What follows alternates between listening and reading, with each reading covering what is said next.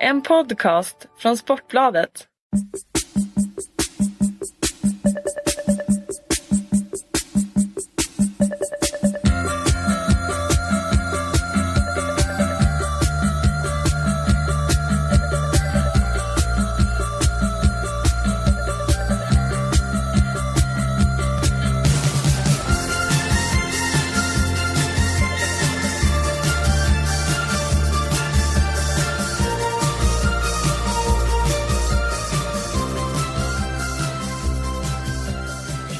Säger vi hej och välkomna till 51% fotboll. Folkets podd som vi kallar den. Du har ytterligare ett namn på den Oskar Månsson, vad du brukar kalla den? Mm, Folkets direktkanal. Direktkanalen ja. Jag det. sitter och äter frukost nu klockan tre på eftermiddagen också så Ah, det är bättre okej. att du tar över ordet igen. Ja, ja, jag kör lite till direktkanalen. Man skulle också idag kunna kalla det för Raketpodden.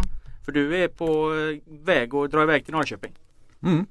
Sådär, så vi Tanken är väl att eh, det eventuella tillägget inte ska bli Vi så superlångt. nej, vi stryker tillägget eh, i avsnittet som vi då kallar för Raketpodden. Vi ska ta upp en hel del grejer. Vi tittar framåt mot eh, veckans stora matcher. Vi har ju IFK Göteborg AIK, vi har Örebros och Åtvidabergs ödesmöte.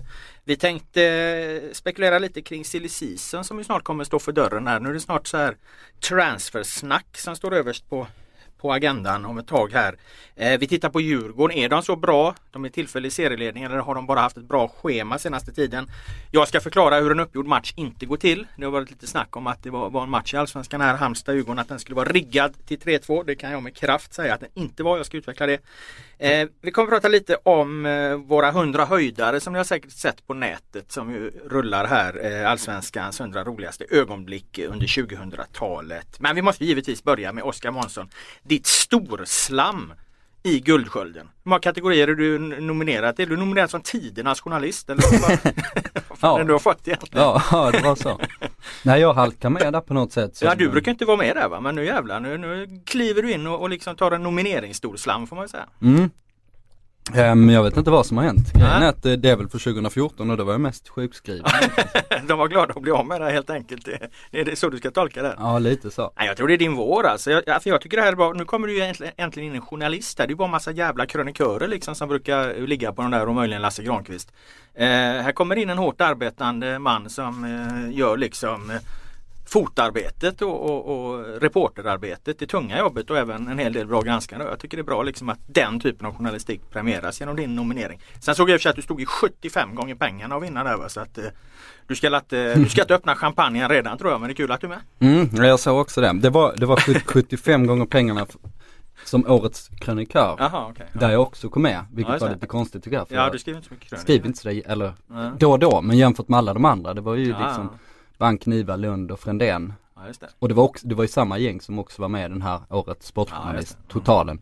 Eh, så där har jag väl lite bättre chans. Där, där var oddsen lite, Okej. lite mindre, vilket ändå inte säger så mycket. Ehm, Jag tror att folk blandar ihop de här begreppen lite när det är den här typen av, av, av omröstningar. Jag vet att jag, var, var, jag är alltid nominerad som årets bloggare. Jag brukar aldrig vinna men jag alltid, jag, varenda år är jag med som årets bloggare. Och Även i år? Ja, i år också. Men jag skriver ju inte, jag bloggar ju inte speciellt mycket men jag tror att nu när folk läser på nätet och bara får länkar. Jag tror att många tror att, det är, att jag hela tiden skriver i min blogg allt jag skriver. Mm. Vilket jag ju inte gör. Ibland är det i bloggen men sen, sen, sen stod jag själv i tre gånger pengarna att bli årets twittrare men det känns ju som en ut, utmärkelse att får man den liksom kan man lika bra skjuta sig själv. Årets twittrare, vem fan vill vara det? Vill du inte vara det alltså? Ja, vill du vara det? Ja, jag... Johanna, jag trycka upp ett visitkort då eller? Johanna Årets Frundén, twittrare Johan, 2015, det var dit man kom.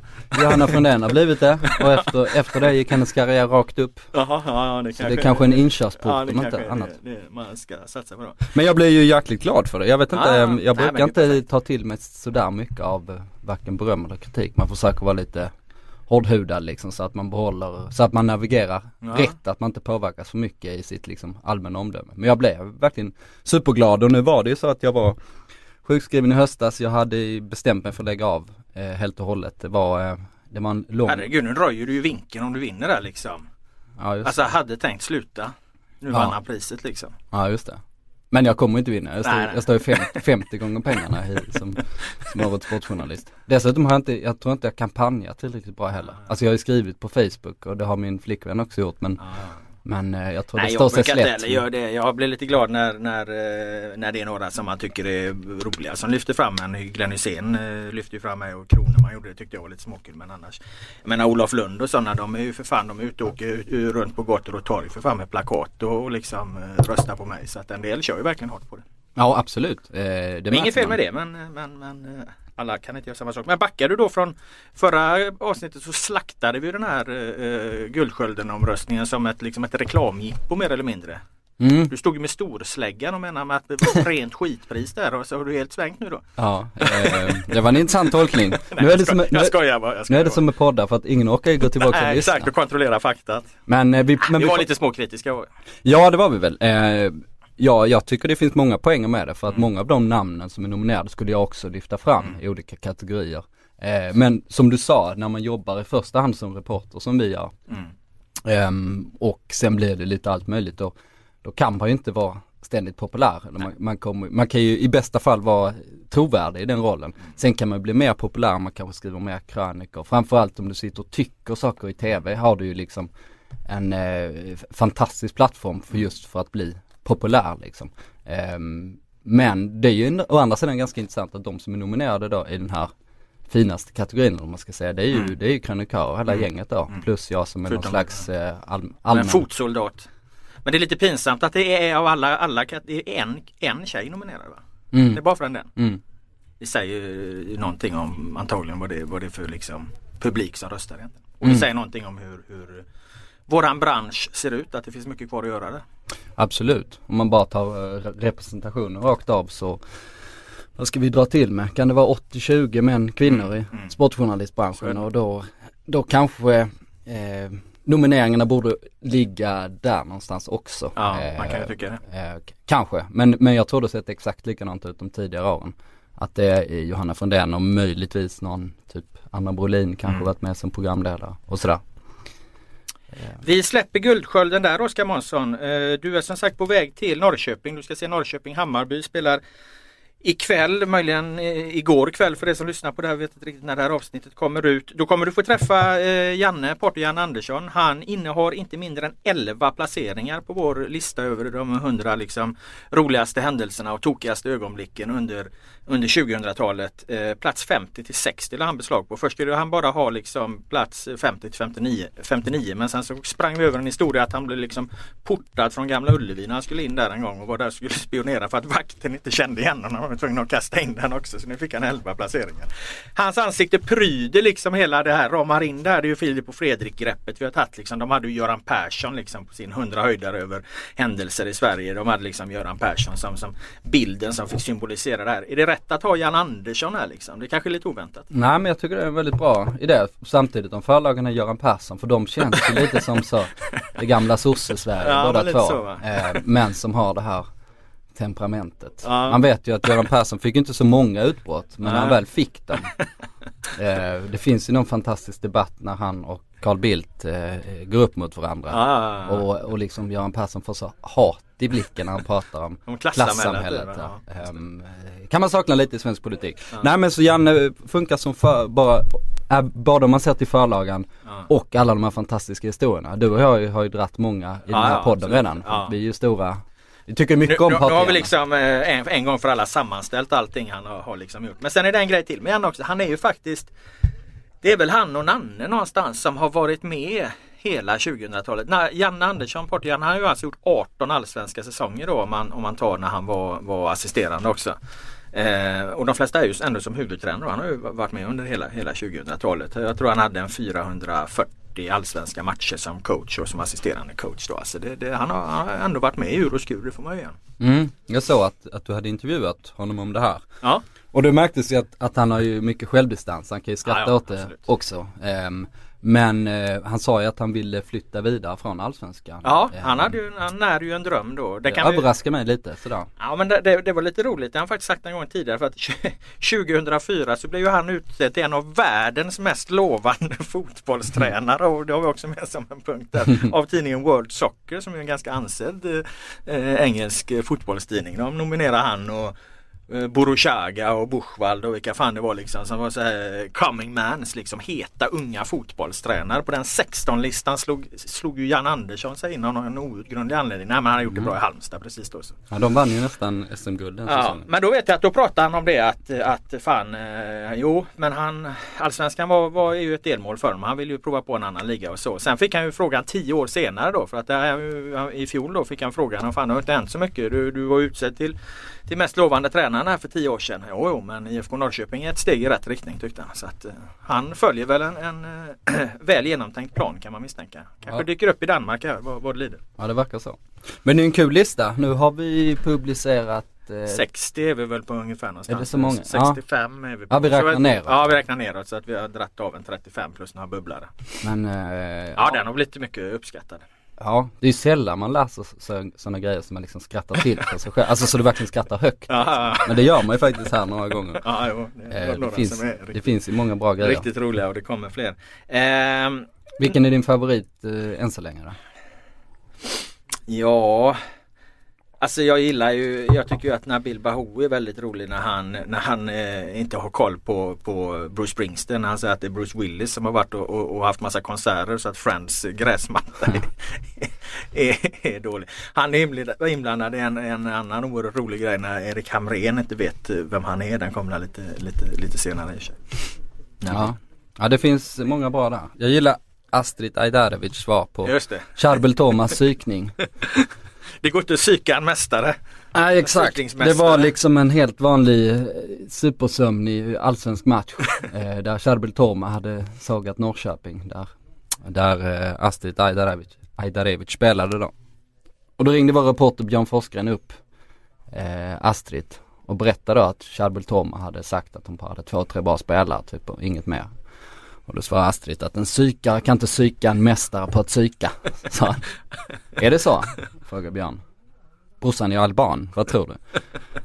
Ja den är riktigt bra. Och då satt liksom inför vinkeln där, då blev det plötsligt lite hetta kring den matchen. Ja absolut och sen eh, några år senare kom den som är på, på den här listan. Eh, skitsamma, eh, du ska på eh, Norrköping Hammarby hur slutade. Eh, För om du tippar rätt nu så kommer människor tro att det är uppgjort nämligen. ja just det, men jag tippar eh, 2-0 tror jag. Jag tror på Norrköping den här Du tror gången. Norrköping vinner med 2-0. Blir det 2-0 nu då, då, då, då skulle man kunna säga att matchen var uppgjord då. Mm. Så har det faktiskt blivit kring den här Halmstad Djurgården matchen. Det gick ut på något spelforum där att, att det skulle sluta 3-2 och så slutade det 3-2. Och eh, var rätt många som eh, har hört av sig och menat att vi ska rota där. Men det finns inga andra liksom tecken på att, att det här ska vara det. Jag har inte, inga liksom uppgifter om konstiga spelmönster och sånt här. Och Alltså ser man den matchen, det går inte att rigga en fotbollsmatch och den slutar 3-2. Man kan rigga liksom så att det blir överlägsna segrar och kanske många mål och så vidare. Men inte att få till ett 3-2 resultat. Alltså det är speciellt inte som den här matchen var. Liksom. Fullständigt omöjligt. Då måste du ha, då måste du ha ett gäng spelare i alla olika lag. Liksom. Alltså det, det, eh, någonstans får man ju bromsa lite med, med sina misstankar. Det finns mycket. Det är mycket surr om AFC nu till exempel. De går ju inte att spela på Svenska Spel på dem längre. Atlet, Mm. Atletic FC i, i Superettan där. Men, men, men den här eh, Halmstad-Djurgården där, det, det, det tror jag man kan klippa det snacket. Ja absolut. Eh, du var på plats? Ja, ja plats. Såg den, jag kollade på TV Ja. eh, och eh, nej den var inte riggad. Nej det ser inte ut så. det, det förstår vem som helst. Det, det är en fotbollsmatch inte ut så. Och jag, jag berättade om det, den här matchen i Grekland jag har sett. Ja. När Olympiakos spelar hem ligatiteln. Ja. Den matchen är jag övertygad om Ja, att den var det. riggad. Men det, det är ju på något helt annat sätt. Det är som om du tittar, det är inte ens en träningsmatch utan det är liksom som som när du har sett uppvisningsmatcher. Mm. När spelarna tar i lagom mycket sådär och eh, Halmstad-Djurgården var ju inte så. Däremot var det ganska intressant att kolla på det här forumet i efterhand för det var någon som var så här liksom Shit jag har fått in ett sjukt bra tips här i Sverige liksom. Ja. Alla säger att det ska sluta Halmstad-Djurgården 2-3 liksom. Eh, gå in på det här och folk började spekulera och sen stämde det ju. Ja, så, så det var ju ganska kul att gå in i efterhand. Eh, men om det skulle vara riggat så har de eh, nog inte bara lurat dig och mig utan ganska många tusen till som har sett den här matchen. Ja. Eh, men nu kanske det blir 2-0 till Norrköping här då och då kanske spekulationerna tar fart att Oskar Månsson har riggat den matchen. Man vet aldrig. Mm, jag vet inte.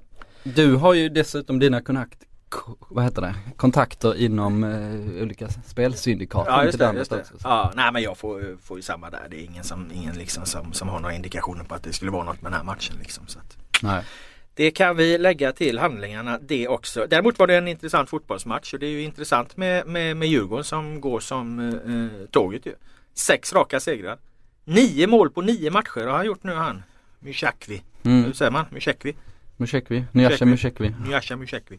Eh, vilket ju är helt otroligt egentligen. Kunde varit tio också va? Ja, alltså han ska ju ha det tionde må- målet. Men, eh, men i och med att inte domaren, eh, eh, domaren dömer ju faktiskt inte mål förrän Bergström slår in bollen. Så att då kan, ju, då kan de ju liksom inte byta det. Alltså det domaren har inte tagit beslutet. Där, då kan han ju inte få det i efterhand vad jag förstår i alla fall. Mm. Men, men, men, men den är ju där och han har ju en makalös timing i, i, i huvudspelet. Han är ju rätt osynlig i matcherna då skulle jag säga. Det är klart han har väl ett par hyfsade liksom i mottagningsspelet och så men inte jättedelaktig i, i, i matchbilden liksom utan det är straffområdet liksom. Mm, verkligen och det är, ja men det är som du säger, någon gång i, i eh, uppspelet men det är liksom mer när bollen kommer mot honom, när han Ja, måste göra någonting. ja, Annars ja. gör han ju absolut ingenting Nej. på planen. Eh, och sen så hugger han i straffområdet. och det ser ju sj- sjukt lätt ut när han gör sina mål också. Ja. Kristoffer Bergström, vår kollega, gjorde en intervju med honom. Ehm, nu som vi publicerar i dagens tidning och i morse tror jag det var. Och där har vi av någon anledning på vår första sida i Sportbladet så har vi nu då eh, Superbosse, sportchefen där, en teckning på honom. De har gjort liksom, han har Stålmannen direkt och han ska in och ut genom någon telefonkiosk, bla bla bla, byta om det som någon anspelning på, på, på Stålmannen då, Superbosse. Jag antar det att det är för att han värvade honom eller att, att vi har gjort den ettan, för den var lite obegriplig. Dessutom så, så är han ju sjukt lik eh, eh vad heter han? M Mille Markovic han är en eh, som blev eh, mördad där liksom. Ja. Det ser ut som att det är Markovic på Han den här som låg tecknade bakom hela Ja, kungaskandalboken kan man Ja, säga. t- teckningen är ju mer lik Mille Markovic än vad den är lik eh, Superbosse Andersson. Ja. Nej men poängen med det var ju att, att eh, Mushekwi kallas ju för Supermush. Ehm, och eh, och Kristoffer Bergström frågade honom om det, vet du om att, att Bosse Andersson kallas Superbo? Ja. Och då sa Mush att Superbosse hade sagt till Mush, ge tillbaks mitt smeknamn. Så det var väl det vi Jaha. gjorde något detta på. Det var en jävligt långsökt detta va? Ja och du hörde, jag, jag tyckte jag förklarade ganska bra men, eh, men eh, nej, jag håller med, det var lite långsökt. Men det roliga, det bästa med den här intervjun, det var ganska kul. Ja. Ehm, är frågan då. Eh, Bosse berättar något märkligt om dig. Stämmer det att du äger ett taxibolag i Zimbabwe? Svaret är Mr Bo är lite galen. Den saken pratar jag helst inte om. här blev man ju sugen. Då blev man ju extremt nyfiken. Har han inte gått till botten med det här eh, Kroko? Han- Kristoffer Bergström. Han, han- han släpper, släpper han bollen släpper där alltså. där. Åh fan. här vill man ju granska hans taxinäring där helt klart. Ja. Och, men han bekräftar ju ändå att det Ja, finns. ja, För ja. först säger han att Mr Bo är galen men Ja, sen så vill han ändå inte prata om saken.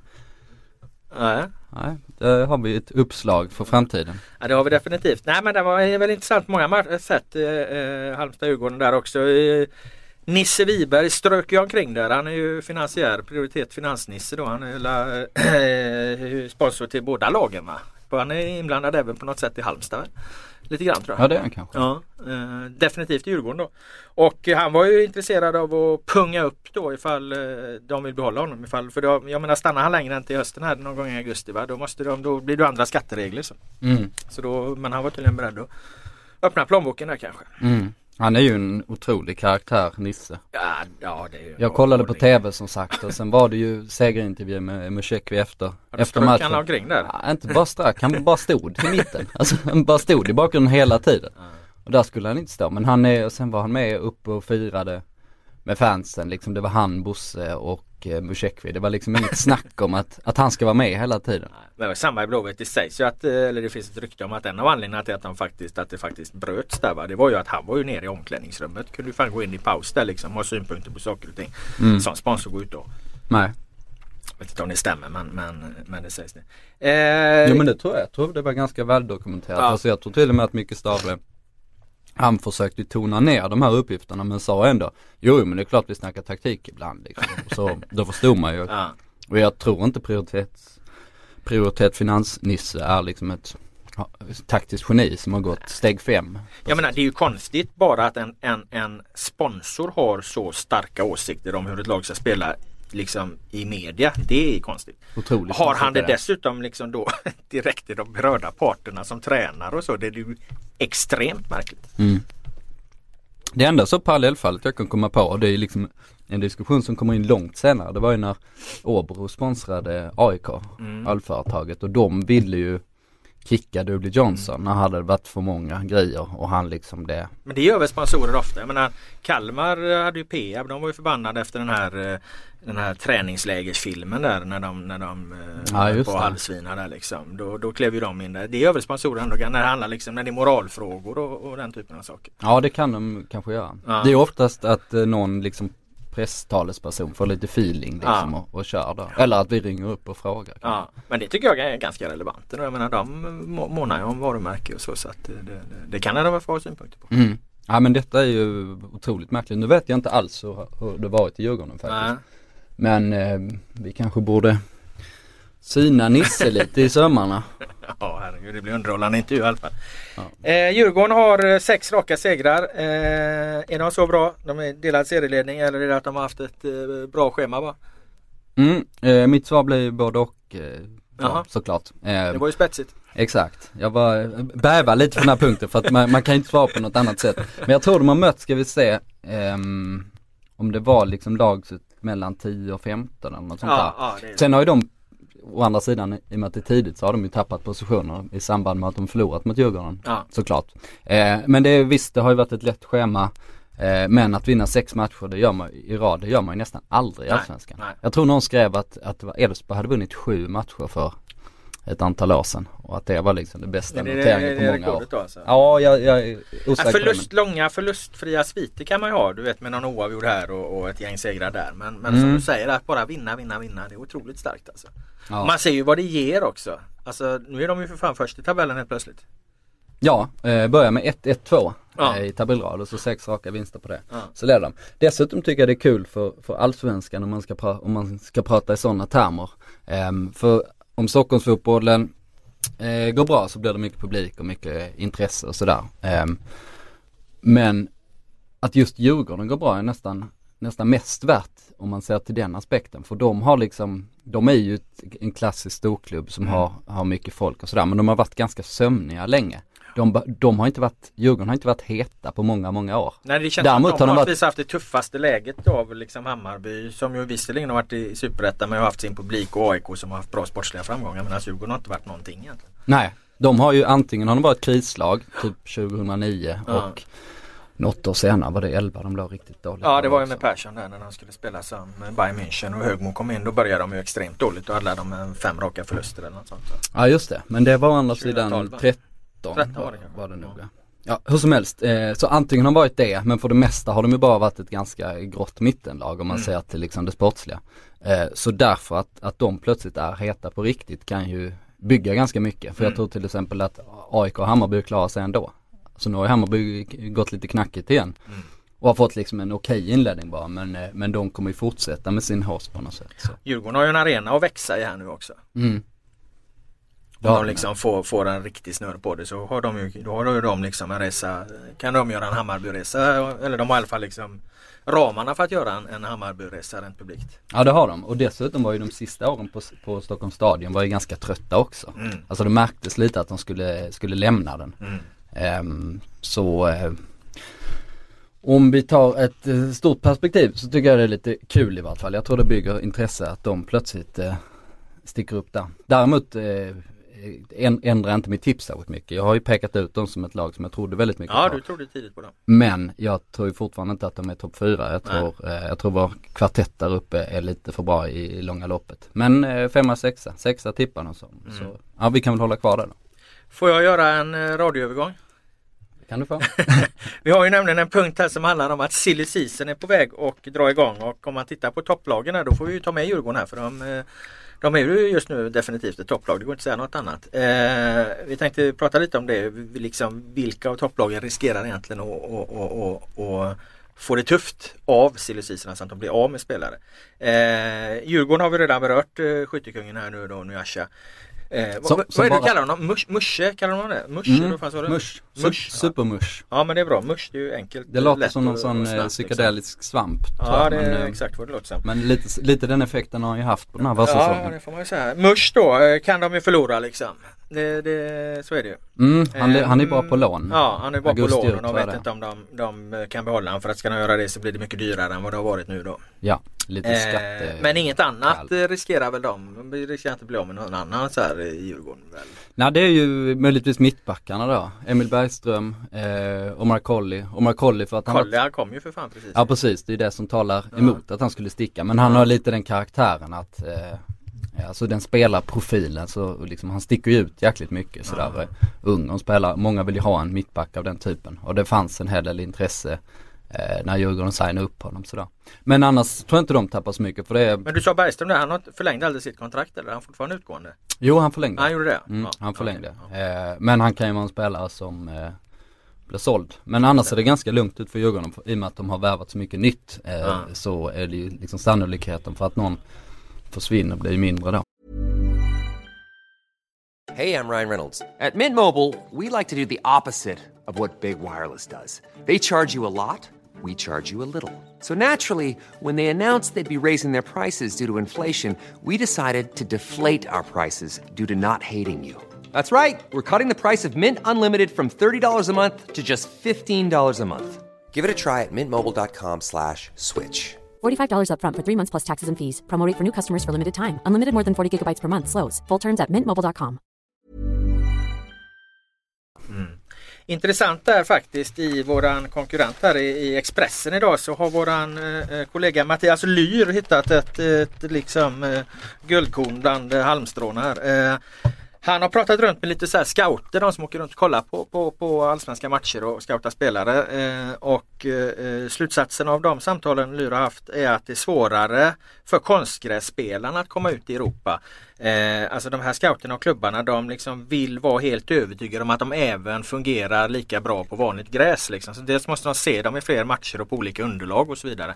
Ibland kan det dröja ganska länge liksom. Du kan ju spela rätt många ett konstgräslag, det kan gå ganska många matcher i Allsvenskan innan du spelar en gräsmatch. Liksom. Mm, intressant. Ja, det är en rätt intressant tes. Eh, Nu tycker jag inte de har tagit den hela vägen här. Jag tycker att vi ska sno den här idén och verkligen prata med tio scouter liksom och, och, och, och utveckla det här och verkligen få, få, få fram en mer, mer fast bild. Eh, Nu är det mer att Lyre spekulerar kring det här lite grann om det kan vara så. Jag tycker det låter halvlogiskt att, att, att, att man kanske resonerar så. Mm. Men vi får väl se vad de säger. Jag tycker när jag pratat med scouter, eh, har någon slags känsla av att, att man ska ha sett liksom åtminstone fem matcher live Mm. och sen lite på tv, att, att det är någon slags mått eh, Ja. sådär och apropå det du sa, det kan ju ta jävligt lång tid innan man spelar fem naturgräsmatcher i Allsvenskan. Ja, ja, om man har, om man har ett speciellt schema och sen så blir du avstängd i match och sen så är du skadad nästa. Absolut. Då kan de hålla på och scouta i en, en halv säsong utan vidare. Jag har faktiskt aldrig tänkt på den aspekten tidigare. Liksom. Nej. Så att jag, jag tyckte att det var en pigg, pigg vinkel där. Så att det kan ju tala till Djurgårdens fördel om man ska säga det, att de får liksom behålla sitt lag. För de, de är ju ett de är ju ett av eh, konstgräslagen då. Av topplagen är det de och Elfsborg då som spelar på, på, på konstgräs. I Elfsborg skulle jag säga de, som vad de möjligen skulle kunna förlora. Rodén Mm. eh, har vi hyllat i den här podden tidigare. Eh, skulle inte göra bort sig på högre nivå. Jag tror att Viktor Claesson börjar ju verkligen att ta de där kliven nu. Liksom. Man börjar liksom göra skäl för, för sitt, eh, sin supertalangsutnämning. Det var väl du som, han är väl en av dem du har på ditt samvete som, som Mm. super, supertalang. Va? Det, börjar, du, det har ju tickat in här nu några, några år sedan. Han har varit riktigt, riktigt bra Claesson. Jag pratade med Heren för en scout eh, Faktiskt när jag var på Örjansvall då, Halmstad-Djurgården och, och, och, och han pratade, han tog upp eh, faktiskt själv upp just eh, Claesson och jag sa till honom det att fan ni skulle köpt han förra året va. Eh, för att nu, nu breakar han nu blir han dyrare va. De skulle liksom, de skulle sett det här komma. Vi har hela tiden känt att förr eller senare kommer det liksom. En riktigt bra affär hade varit att köpa Viktor Claesson i, eh, i höstas. Mm. För en, en mindre peng. Och så får han, hade han fått, hade han exploderat i Holland i år istället. Mm. Men de verkade fortfarande intresserade i alla fall. Hela. Han borde ju passa Holland tycker man. Absolut. Å andra sidan finns det vissa sådana spelare som liksom utvecklas långsamt och sen till sist kommer det stora genombrottet och sen säljs de efter en halv säsong. Ja men då får de lite börja om på nästa nivå och då blir det liksom en långsam, långsam utveckling där. Jag tycker man har sett det i många fall. Absolut. Typ Denny Abdic om vi ska ta ett sånt Ja. Elfsborg exempel. Ehm, så jag vet inte hur Claesson skulle tackla det. Nej. Spelmässigt hade han ju passat bra in i, i holländska Ja, ligan. ja, ja. För det finns ju ganska få ligor där det ofta finns en nummer 10 position i lagen. Eh, och det finns det väl ofta i Holland med många 4-3-3 lag. Och just den typen av tia också, en så löpande rörlig tia. Han är ju inte någon liten liksom, eh, ja vad fan ska vi ta, någon eh, argentinsk tia liksom. Den typen av, av, av, av spelare. Utan han är ju löper ju extremt mycket, Claesson. Så att jag håller med dig där, han skulle passa väldigt bra i. I Holland. Eh, Rodén Claesson, jag ser inte så många mer som skulle kunna dra där nu. Nu då ytterbackarna är unga och lovande men jag tror att man resonerar på att de behöver lite mer kött på benen. Mm. Eh, både Lundqvist och Mans där. Eh, Sebastian Holmén. Ah, inte fan alltså. Jag tror att det, det, det skulle vara Claesson eller Rodén i så fall. Så. Mm. Som de kan förlora. Vad tror du om Blåvitt då? Eh, ah, där är det ju Lasse Vibe Mm. eh, givetvis ur det perspektivet då, eh, silly season. Han har väl eh, Väskan står väl packad i hallen antar jag. Eh, när han sa nej till de där ohyggliga pengarna så känns det som att han måste nästan, de må- måste nästan ha någon form av andra server så att han, han eh, jag säger inte att han har någonting klart med något men ändå han måste vara rätt trygg i att det finns ett gott intresse för honom på, på lite liksom ja, västligare breddgrader så han liksom slipper ta familjen och, och, och, och dra till Kina. Alltså för att eh, de pengarna han sa nej till det var ju för fan 30-40 miljoner till honom. Ja, det var det, va? in. Det var nästan så sinnessjuk jävla summa. Ja, och det kan jag inte, jag kan inte tänka mig någon spelare som skulle tacka nej, Nej. till det, det skedet i karriären. För att, Nej. men han har ingen sån här eh, Nej, han han har ju ingen 28 år liksom. Ja, han har ingen stor internationell karriär framför sig. Nej. Han kan möjligtvis spela en del i landslaget, man fortsätter på samma nivå. Mm. Eh, och han har, eh, han bor ju trots allt inte hemma om man skulle vara så här sjukligt hemmakär eller någonting. Och sen så dra till Kina, Tianjin. Fast han ville ju inte spela på, i någon liten skitstad på gränsen till Nordkorea eller vad han sa. Nej, men, Men, jag menar men 30-40 Ja men för nej till dem. Men då, det är det jag menar. Då måste Ja. han nästan, han måste ha en god känsla av att han kommer ändå hamna i en klubb där han under ett par år kan kanske tjäna 10-20 miljoner. Han kommer ändå tjäna jävligt bra pengar i karriären. Sen kanske han inte gör sina barn ekonomiskt oberoende på, på, på det men han kommer ändå skaffa sig en, en, en, en jämfört med vanliga människor abnormt bra ekonomisk situation genom att kliva ut var han nu hamnar i Tyskland eller England eller Holland eller vad det nu kan vara. Liksom. Mm. Och det tror jag det är ju, det är ju om man kollar på, på Mush om han försvinner från Djurgården så är det ju ett jättestort tapp. Eh, om man kollar på Rodén och Claesson så, så är det klart att det skulle vara tufft för Elfsborg. Men Vibe är ju fundamental i IFK Göteborg. Jag tror jag skulle få jätteproblem utan honom. Mm, det tror jag också. Jag tror att eh, det är det mest kännbara tappet Ja. eh, som någon spelare kunna, skulle kunna ha. Eh, och då räknar jag inte Musekvi för att han är ju trots allt inte Djurgården spelar längre till hösten. Så den, det, det kanske man kan se lite mer som, som bonus. Som Ehm, kvar, ja. och sen möjligtvis eh, Nabil Ja, AIK. på Som AIK är där. nästan på samma nivå. Ja. Där har de lite alternativ men han är ju också extremt betydelsefull. Mm. Ja det känns ju som att AIK på pappret, tittar man på det så har de ju en, en så pass intressant trupp på de offensiva positionerna att, att, eh, att de, de ska kunna hantera det. Men sen ser man ju varenda gång han är borta liksom så, så, så håller de problem. Det har varit intressant att kolla AIKs liksom poängsnitt med och utan Nabil. Jag tror att det skiljer en del.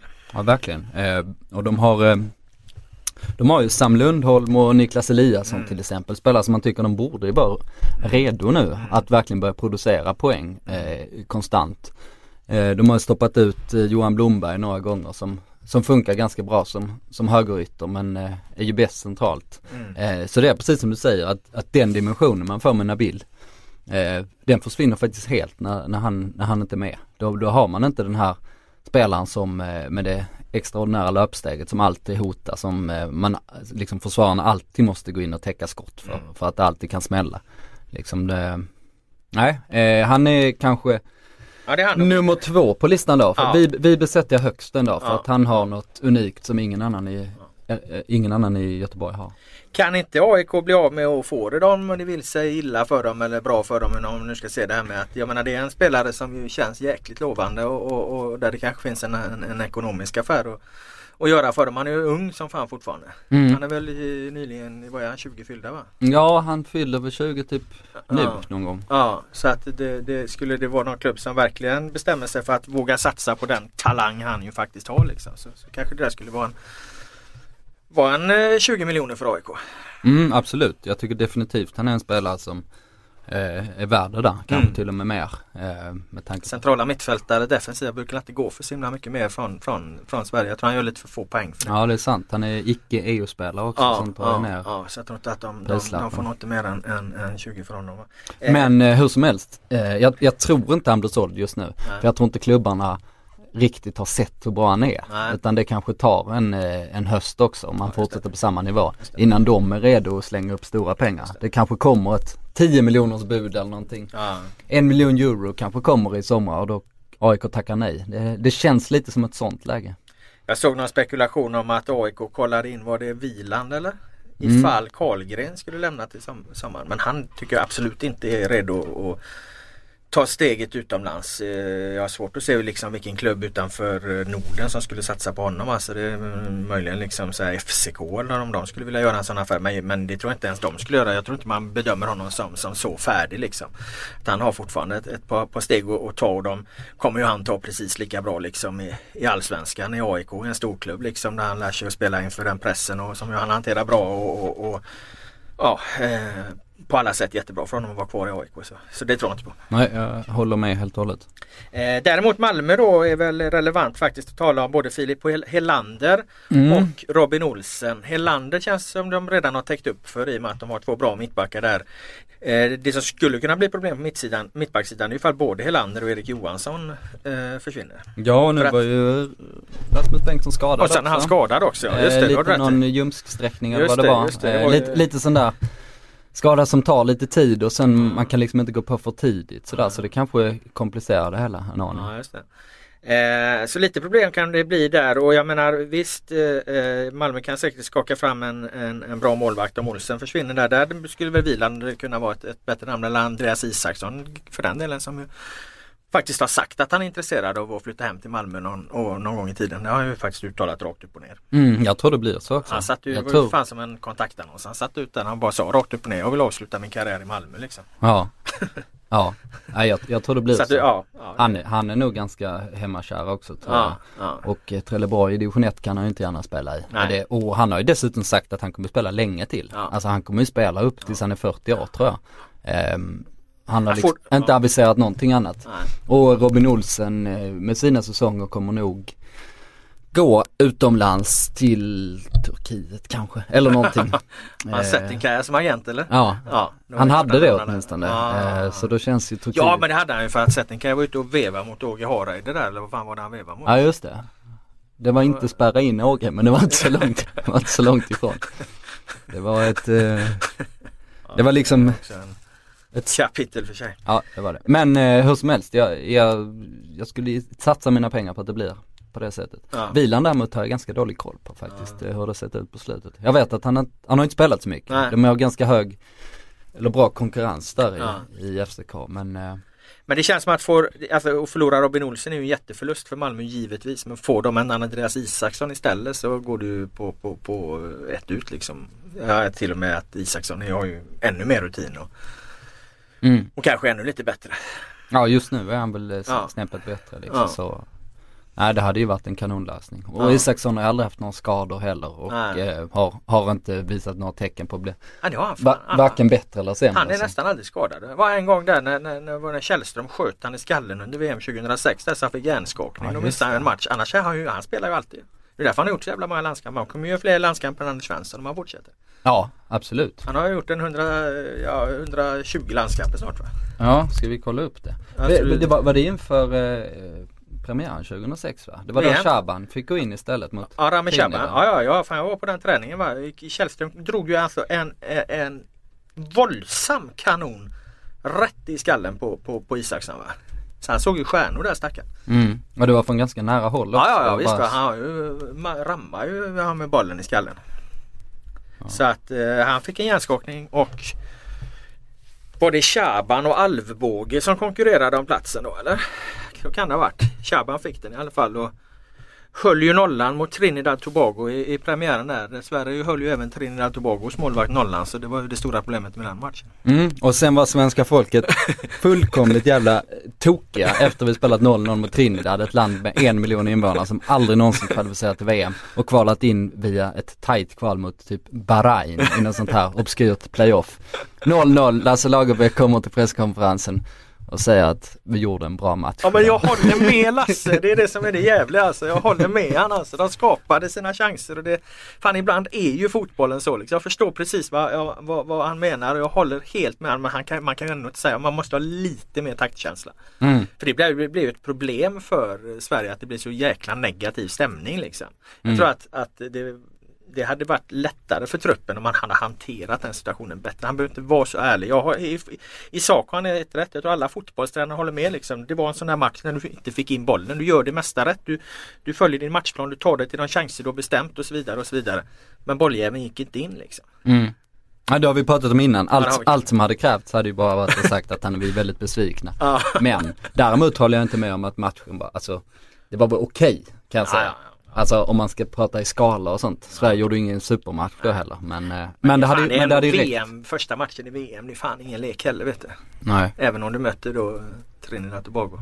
Bevisligen. Trinidad hade ett skott i ribban på slutet också. Minns du det? Just det, just det. Shaban såg lite, lite nyvaken ut på.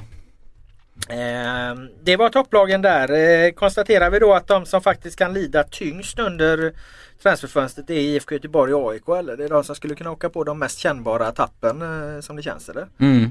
IFK i Vibe och AIK i Nabil där att det är deras eh, slagstyrka då som i första hand skulle påverkas medan Malmö och Elfsborg har bättre förutsättningar att och hantera det och även Djurgården då även om vi kanske inte tror att de räcker till hela, hela vägen i det här racet. Nej, Elfsborg har ju Rodén-kortet som kan det kännbart. Men Ja, de är trea och Claesson. Eh, och Djurgården är på någon slags bubbla Ja. då i och med att de inte ens riktigt kan räkna in Musekvi Men jag tror inte att man, alltså, då ska man ju vara tydlig med att det är ju på inget sätt så att vi räknar bort IFK eller AIK även om, om de skulle förlora eh, eh, Vibe och, och Nabil. Det har man gjort så många gånger att de sålde guldet och så vidare och sen så går det ändå ganska bra liksom. Sen kanske det i slutändan gör att de inte räckte hela vägen fram. Men jag tror ändå att de kommer givetvis vara med i toppen ändå liksom. Mm.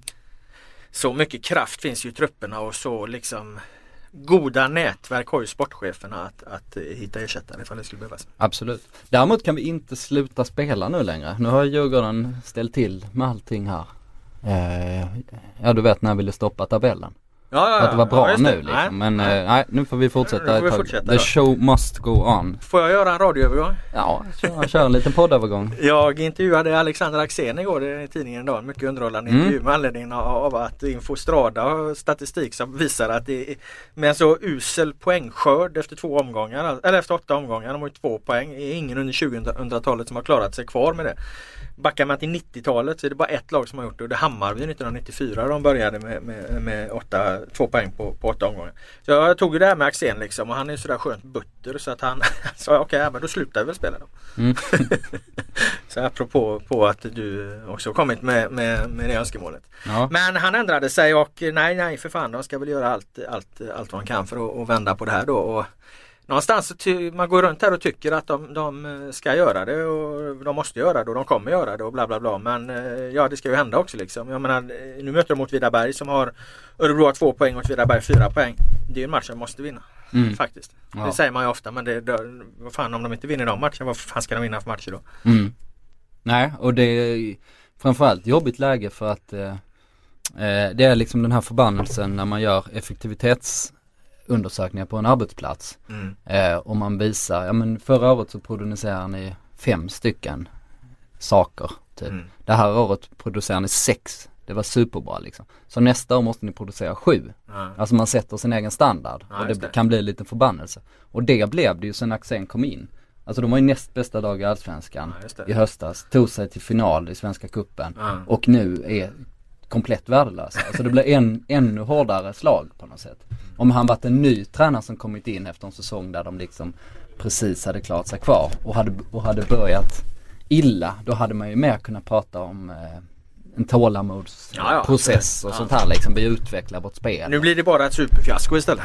Ja men lite så Fast det egentligen inte är riktigt så, eh, så stort fiasko. Nej. Om man ser till vad de egentligen har liksom. Men du gjorde din tjänst som grävande reporter här såg jag. Eh, Jag? Ja du hade till och med rotat, ja men du rotade till och med fram att de inte hade vunnit på onsdagar på Det var roligt. Jag är mycket nöjd med en fråga jag ställde till Axén vad han tycker om onsdagar rent generellt. Ja. Det var en bra fråga. Han tyckte att lillördag var bättre förr när han var yngre svarade han. Det var ett bra svar också. Ja. Ja det är reporterkonst på hög nivå. Ja, ja sådana frågor måste man peta in där. Men jag såg ju dem i cupfinalen då. Alltså man blir ju ändå förvånad när man ser dem. Jag menar den matchen vinner ju Göteborg knappt. Då är du serieledare mot tabelljumbon och det är ingen det är en stenjämn match. Alltså de leder ju med 1-0 eh, länge och väl liksom innan Blåvitt eh, vänder då. Och, och eh, hade till och med kunnat göra 2-0 i början av andra halvlek när han Yashin där på en kontring liksom på, kontra på en Blåvitt hörna. Pang bara eh, snabbt upp och så får han felträff i straffområdet. Så att eh, när man ser dem så undrar man hur fan kan det här laget ligga sist liksom. Mm. Det är klart det blir lite annorlunda med cupfinal och så, så, och så vidare va. Men eh, ja det, det är märkligt även när man ser dem. Mm.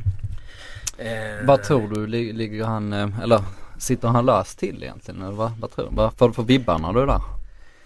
Nej, Axén, nej jag Mm. tror att han, eh, han, de bytte, han kom ju in eh, och de kände honom som tidigare. De tog in honom för inte så länge sedan. De är ju extremt medvetna om vad, vad det var för en person de tog in. Alltså skulle de göra sig av med Axén nu då skulle det vara kraftigt underkännande till ledningen där. Att, eh, för, för är det någon tränare de hade koll på så var det ju just Alexander Axén som liksom hade ett förflutet i klubben redan, redan innan. Sen så alltså, ah, jag har ju inte haft honom som tränare själv så jag vet ju inte men liksom alla liksom intryck man får av honom att det här är ju en, en mycket god fotbollstränare. Va? Ja, men en bra jävel liksom, en skön jävel och, och, och en, tränare, en, en lirare som man skulle vilja ha som tränare. Eh, kunnig och, och, och, och allting liksom. Så att eh, jag tror inte att, eh, jag tror inte att deras dåliga resultat beror på tränaren i det här fallet. Nej. Jag tänker bara att Örebro är ju knappast en sån klubb som, även om de kan honom utan och innan eh, och vet vad han vill och spelarna tycker om honom. Men så är Örebro ingen sån klubb som kan säga okej, ja men då åker vi ur den här säsongen. Och sen så fortsätter vi på, på vår linje ändå. Nej. Viss, vissa klubbar har ju det utrymmet att de har bestämt sig Ja. för Typ Falkenberg har Ja, ju det. ja. Eh, De, spel, de, bryr, de bryr sig inte så mycket om vad de spelar om man ska hårdra det. Alltså de, nej, men de kommer köra på samma linje maskera dig när du går på går, går ner vid stranden där tillsammans. på Skrea strand. eh, nej men, ehm, eh, nej men om man hårdrar liksom hur, de, hur deras verksamhet ser ut Ja, så hade den sett exakt likadan ut om de spelat superettan Mm. som i allsvenskan. Eh, så funkar inte Örebro utan Nej. då svidar de ju om helt och hållet liksom. Då blir det en helt annan kostym för dem. Men eh, åtta matcher, de, de har en upp, eller en match mindre spelad än Halmstad och Åtvidaberg till exempel. Nej Åtvidaberg också åtta. Ja, de men, har eh, gjort Åtvidaberg nu så att det blir ju Ja, det, det, ja, men det. är därför den blir så jävla viktig för att då går de ju om där va. Då Ja, får de fem poäng och så tar de sig förbi liksom. Då, då, då, då är det ju första steget på en jävligt viktig vändning för dem. Så. Men Mm. samtidigt är ju matchen lika viktig för, för Åtvidaberg. Eh, för att eh, eh, ja som sagt vinner Örebro då är det Åtvidaberg som är det krislaget istället. mm. De är väl lite mer åt det du pratar om i och för sig att det är kanske inga jätte, jätte jätteförändringar i själva klubbens liksom visioner och så här om de skulle eh, åka ner. Däremot så har de ju haft det trassligt med ekonomin och det är en rätt eh, tuff eh, ekonomisk smäll också och, och ramla ner där. Du får ju inte mycket pengar när du spelar i Superettan. Nej. De har jäkligt svårt att locka publik dit också. Ja, har du varit där någon gång eller? Ja, jag har, jag har tagit mig I, I dit. byn. Ja, ja det är klart. det är ju inget ställe man passerar liksom. Nej, vet inte hur Du många får ju som liksom köra av motorvägen där och sen får du ta fram karta och kompass och hitta dit. Fast du kör ju förbi den här rondellen men står fotboll i mitten så det då vet man kanske. att man är på rätt väg. Nej, Nej det är trevligt i Åtvidaberg. 3000? Ja, 3-4 Det är något tusen. sånt. Vad hade jag i top of mind också så då, då borde det väl vara det. Men, ehm, men det är folk från Linköping, de håller ju på Åtvidaberg. Eh, men de tar sig inte dit i alla fall av någon anledning. Vilket är synd för de, de spelar ju kul fotboll. Ja, de har gjort, eh, spelat bra i många år. De har liksom pojkar från bygden. Mm. De har pligg mitt i allting. Bara det är ju värt rätt mycket. Han ska sluta nu. Vi hyllade honom på våran 100 höjdarlista. Han fick plats nummer 100. 100-åringen som aldrig klev ut genom transferfönstret. Han har ju också i alla tider varit i, i Allsvenskan. Han har alltså gjort mål varenda allsvensk säsong sedan 2001. Det är rätt fantastiskt. Mm. Och han har spelat de senaste fem säsongerna. har han spelat samtliga 30 matcher från start. Också Ja. rätt häftigt. Ja, verkligen. Och Eh, gubbfan är 41 bast liksom. Ja. Det första rekordet där är lite såhär Bob Beamon känsla, alltså rekord som aldrig kommer slås. Sedan 2001, om man tänker hur fotbollen ser ut nu, att en spelare ska vara så pass framträdande, Ja, ja, nej, offensiv och bra. Så han, och, och ändå inte ta steget ut från allsvenskan. Nej. Eh, tar aldrig steget ur transferfönstret Nej, och nej, försvinner. Nej, nej, det har du nog rätt i. Det kommer nog aldrig upprepas. Liksom en spelare som, som spelar så många säsonger i Allsvenskan och, och gör mål. Det var roligt, det var en som skrev till mig att när han lämnade 2003 då lämnade han alltså eh, IFK Norrköping och då menade Norrköpingsfansen på att ja, men det är lika bra, han är ändå slut nu. Sen dess har han alltså gjort, eh, fan var det för Åtvidaberg, 66 mål och 99 assist. Ja. De tyckte han var slut 2003. Ja det är rätt galet. Ja, ja. 12 år sedan, då var han ju typ, då var han ju alltså då, ja, ska han fylla 30 liksom. Ja. Vad fan, han håller inte så länge till. Nej. Han är där fortfarande. Ja, fantastiskt. Han lyckades inte alls i Malmö faktiskt, eh, vilket var konstigt. Eh, Ja just det. han, eh, När fan var det han var där nu då? det var väl 2002, 3 va? Eller? Var det han gick från Norrköping till Malmö? Det gjorde han kanske ja. Mm. Och sen var hamnade han i Åtvidaberg. Så var det ja. Just. Ja, fan, så- Jag glöm, glömde väck, jag glömde av hans. Jo precis, nej men han var väl där lite senare till och med. Eller ska vi se.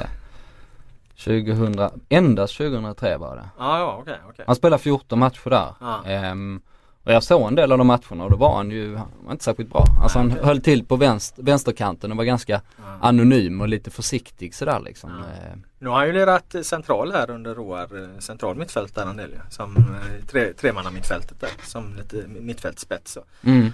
Jag har inte sett han jättemycket eh, Åtvidaberg Allsvenskan men jag såg han mot Blåvitt där i första matchen. Då var han bra. Han är exakt som han alltid varit Ja, faktiskt. ja, ja. Ehm, Men du, vi har ju fler matcher som står, står för dörren här. Eh, superveckan talar medierna om här. Eh, det är ju alltså Norrköping-Hammarby idag, Elfsborg-Helsingborg idag. Eh, Gävle-Sundsvall, det är en supermatch. Ja just det, det är invigning av, eh, av fan säger man, Gavlevallen säger man eller? Mm. Den nya arenan uppe i Gävle. Eh, ännu en konstgräsarena dessvärre men kul för dem. Men, med en ny arena, det borde man egentligen varit där faktiskt kom jag på nu men det hinner vi inte. Och imorgon är det Blåvitt AIK, Malmö Häcken och sen är det Stockholms derby nästa vecka. Så det är mycket matcher på gång. Jag ska ner till Göteborg och se IFK Göteborg AIK och jag har skrivit en förhandskrönika faktiskt där jag tittar tillbaka lite till det här, det här liksom guldracet 2009 då, eller den guldfinalmatchen där. Ja, det, det står ju en hel del om det i Kärnas bok. Mm. Pratade om Kärna förra veckan här. Han har ju släppt en bok också då så. Har han messat dig något i veckan eller? Nej men jag har inte haft någon kontakt där men däremot har jag läst hans bok då och eh, finns lite roliga detaljer som jag har plockat med i min krönika där. Jag träffade Tjärnström på Friends Arena nu för någon vecka Jaha, sedan. Och då okej. sa han så fan ska vi inte ut och ta en öl? sa han. Så det, Sa han? så då har han, han kommit ut på andra sidan nu. Så, Ja, ja, så en, en civil man. Så. Ja, fan, jag får- träffade han förra sommaren. Då hade han i Göteborg. Då hade han varit på Way Out West. Okej, Så att eh, han är om sig och kring sig Kärna. Får man ge honom. han försöker leva som en, en vanlig man. Ja, ja absolut. Eh, nej men det är ju alltid en, en het eh, drabbning. Det är väl den hetaste matchen i, i Sverige egentligen. IFK Göteborg mot AIK om man ser i ett perspektiv hur många den, den berör. Liksom. Malmö-Göteborg är ju den mötet, sportsliga stora mötet liksom mellan de som har vunnit mest. Eh, Djurgården-AIK är ju det stora liksom huvudstadsderbyt det som, som drar liksom mest publik och så här. Men, men eh, tittar man liksom på rivalitet och hur många liksom människor den här matchen involverar liksom med alla AIK-supportrar och alla IFK-supportrar och alla andra i hela fotbollssverige som bryr sig om hur det går den här matchen. Så. Skulle jag säga att det är Sveriges El Clasico. Ja, Kungens lag mot eh, därom tvistar de Ja, de, lärda och icke lärda. Jag håller ju Malmö-Göteborg om det skulle finnas, alltså jag underkänner diskussionen lite också. Vi behöver kanske ingen El Clasico här. Eh, men om man tar den här 2009 matchen, det är ju det liksom eh, coolaste avslutet vi haft på en allsvenska Ja, det i, någonsin. moder, i modern Nej, det tid. någonsin. Någonsin Ja, kanske. det- det och varit bara- jag kan inte säga exakt Att hur det det såg blir ut ett 1934. guldrace och så möts de i sista matchen. Ja, Det har fan inte hänt. Och, och de hade dessutom byggt upp en jävla rivalitet under säsongen Ja, också. ja. Ja, AIK käkar ju guldpytt och det Göteborg firar alltid guldet med att äta pyttipanna. Typ två veckor innan den här eh, matchen så ställde Dooley Jansson och Bojan, nej Bojan och Kenny Pavey var det. Sitter Mm. de och käkar liksom eh, pyttipanna där och eh, gör tummen upp till Sportbladets fotografer. Det var Ja. mycket sånt. Ja, Det var verkligen. ett riktigt rövarband. Det var ett, det var ett jävla roligt år det där alltså. Ja, det var det. Hände ju hur mycket Jag märker ju när vi sätter samman den här hö- hö- höjdarlistan alltså. alltså det, det, vi har kunnat göra en, en hundralista bara med saker AIK gjorde under det, det, det året där. Mm. Jag blev utslängd från deras guldfest också faktiskt. Alltså, vad fan har du gjort? Nej jag var där och jobbade. Ja. Ehm, ja, jag var inte med på festen, det hade inte sett så, så bra ut kanske. Ehm, men eh, jag var där, var där och, och jobbade men sen var det lite kaotiskt det där. Alltså, vi skulle ha en, vi skulle få liksom en, 20 minuter och intervjua folk och sen skulle vi få vara kvar. Ehm, och då försökte jag ju prata med folk och då satt ju Lennart Johansson mitt i allting. och jag liksom vrålade till honom från andra sidan bordet till stackars Lennart liksom som varken såg eller hörde liksom. Ehm, men då fick jag Micke Stare till att liksom tolka, eller inte tolka, jo tolka min skånska kanske det var. Nej men han, han fick ställa frågorna till Lennart. Ehm, så då fick liksom Micke ropa tillbaks dem till mig så fick jag något, något kul svar sådär liksom. Eh, men sen efter det så kom någon brysk vakt och bara eh, kastade ut mig helt enkelt liksom. Jag försökte väl vifta mitt presslägg och sådär också men vi, eh, jag tror alla journalister som var där åkte ut och då hade vi ändå fått liksom, nej ni ska få vara kvar ett bra Ah. tag till liksom. Och det är ju viktigt för oss för vi måste ju kunna, alltså allting måste in snabbt som bara den till tidningen också. Men jag gick in någon bakväg där, jag, eller snackade mig in på något sätt, jag kommer inte riktigt ihåg. Jag du bara, utslängd och smet in igen helt enkelt. ja, smet in och sen minns jag att, att Valid Atta stod uppe på scenen med Lennart Johanssons pokal och, och liksom drog sönder pokalen. Just det här örat på. De festade liksom sönder pokalen så det blev ett bra, bra, roligt festknäck från den natten. Ja, jag var ju nere i Göteborg och jobbade där och var ju på matchen. Sen åkte ju de då, eh, måste de, åkte de buss upp till Stockholm eller flög de upp till Stockholm då eller? För då var de här för de hade sin fest i Stockholm. Eh, jag ser på klockan Oskar Månsson att ditt tåg går rätt snart. Eh, hinner vi eh, beta av några fler ämnen eller vad säger du? Ja det beror på. Jo det hinner vi. För Ja. att eh, nu tittar jag på ditt Körschema. här och då har vi på den sista punkten heter biofylla. Och denna punkten vill jag tala om. Eh, så om jag missar tåget så, det gör, det gör inte så mycket. För den goda saken då. Mm. Nej men vi, det var ju när vi snackade igår så sa jag det att jag skulle ta en stänkare och gå på bio. Eh, och då kom vi fram till att det är ju ett eh, folkligt men underskattat nöje att eh, du, gå på fram, bio. du kom fram till det. bio lite halvbladig. Sitta där lite gött avslappnad och se en bra film. Är det bra? Ja, Terapi. alltså, ja, jag såg Mad Max liksom. Det hade ju kunnat vara dyngrak och ändå hänga med, ändå hänga med i handlingen. Så att eh, där gör det ju inget om du, om du tagit ett järn innan. Eh, däremot så gjorde jag och en polare det stora misstaget en gång att vi var på bio en fredag och så skulle vi, eh, det här nu ska vi säga var när jag var ganska ung och så skulle vi dra ut på stan efteråt. Jag och min polare Kalle som hejar med på Tyskland och Sverige. Vi tog med en hela päronkonjak in på Matrix. Och det var ju inte bra kan jag säga. För att eh, dels så, så, så sög vi oss den där päronkonjaken och, och sen så var Matrix är ju rätt krånglig liksom. Alltså den eh, hänger man ju inte med även om man är spiknykter. va. Så vi gick ut där eh, halvbladiga och fattade inte någonting. Vad fan det var vi hade sett. Fick gå och se den en gång till. Sen utan päronkonjak. Ja, okej. Men den stora storyn jag vill ha, det finns ju rykten om att du har blivit gripen av polis i en biosalong. Ja du skarvar ju lite nu men, eh, och överdriver gör det väl också. Men det var väl så att eh, Bion Palladium som låg i Göteborg om man skulle man upp på Avenyn och kom från liksom busstationerna så gick, passerar man den här bion. Och det här måste alltså varit någonstans 95, 96, 97 när kan det misstänkta ha gått på eh, svenska biografer? Mm, var varit över. ja det var någonstans de åren liksom. Vi var 22, 20, 23 bast liksom och lite halvbusiga så. så att, eh, vi kommer där och varit på någon förfest eller någonstans och ska vidare upp på Avenyn och gå förbi bion och ser det misstänkta och så tittar vi bara på varandra. Ja men det är väl klart. Det är klart att vi måste springa in och skrika det är han som är Kaiser Söze. så detta, detta gör vi då. De hade så här, de har tvåvåningsbiosalong. Klart man måste det. De har tvåvåningsbiosalong så vi sprang upp på övre etaget där och hojtade liksom när Kevin Spacey dök upp i rutan i han som är Kaiser Söze. och det blev ju inte så jävla uppskattat alltså. Det var ju, de ringde ju polisen och vi var så jävla dumma så vi hängde kvar runt den här jäkla bion. Så att eh, sen kom ju polisen och då visade det då kom de ju för att någon, någon hade, ja det här är väl någon form av brott liksom. Eller jag vet inte, vad, vad kan det vara? Förargelseväckande beteende eller? Ja, avslöjande av handling. Jag vet inte men eh, ah, de förstod väl att det inte var något ont i oss polisen så vi fick väl oss med en vad heter det? reprimand och så var det inte mer med det. Okej. Så att det var lite överdriven. Men, Ja, intressant. Eh, var inte du seriös idrottsman på den här tiden? eh, jo det hade nog kunnat bli en rubrik i tidningen om det hade kommit till kännedom. Men nu borde det rimligen vara preskriberat. Men jag menar du måste ju förstå mig. Alltså när du kommer där och du ser det misstänkt. Att du, man får tics? Nej men att du får den idén att du måste, alltså det går ju inte att inte göra det. Nej. det ju, Och det avslöjas, ju i de absolut sista scenerna. Ja. Eh, känner kanske de flesta till. Ja nu måste man kunna prata. Men det finns ju en ännu roligare. Det var när den gick på tv första gången. Då skrev ju Metro så här.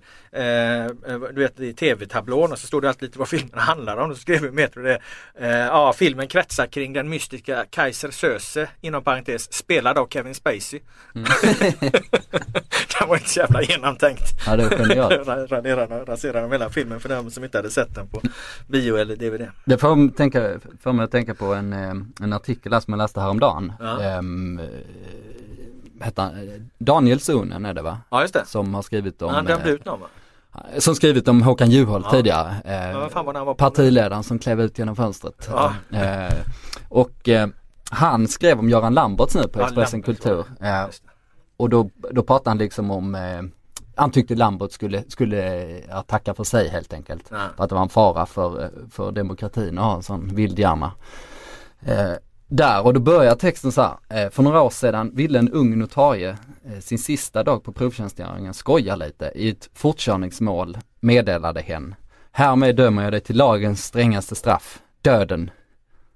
Han blev, han blev aldrig notariemeriterad utan fick avsked. Så började den. Eh, och då fick jag lite så att det var ungefär det brottet som du, du gjorde där, vad det nu kan vara. Ja. Tror du det? Ja, Vad var det för ett brott då? Nej, det, han fick ju kicken den här notarien. ja, ja okej. Ja, jag hade ju inget att bli sparkad ifrån så. Nej, det är ju fo- fotbollslag. Ah, jag tyckte att Nej, det gick inte, det gick inte hos dig. Jag tyckte det var hysteriskt roligt Nej jag fattade det inte riktigt om man ska vara ärlig men, det är men för att jag är här- så jävla rädd att du ska missa tåget så att jag Ja men den här, på det. ska jag ta den en gång till? Alltså, Nej nej men jag, det- var det Lambert som hade gjort det här eller? Nej utan det var en notarie. det Ja, var liksom en, bara en ingång till en artikel. Det var en ung notarie som gjorde någon provtjänst. Ja, som ja, skulle ja, meddela ja, en fortkörningsdom. Ja, och så skojade han då. Skojade han ja. med en väldigt svettig så här Ja. fortkörare. Ja. Nej men eh, inte ens fortköraren kan jag ha trott på det. Nej. Dessutom blev skämt så fruktansvärt tråkiga när man ska förklara dem sen istället.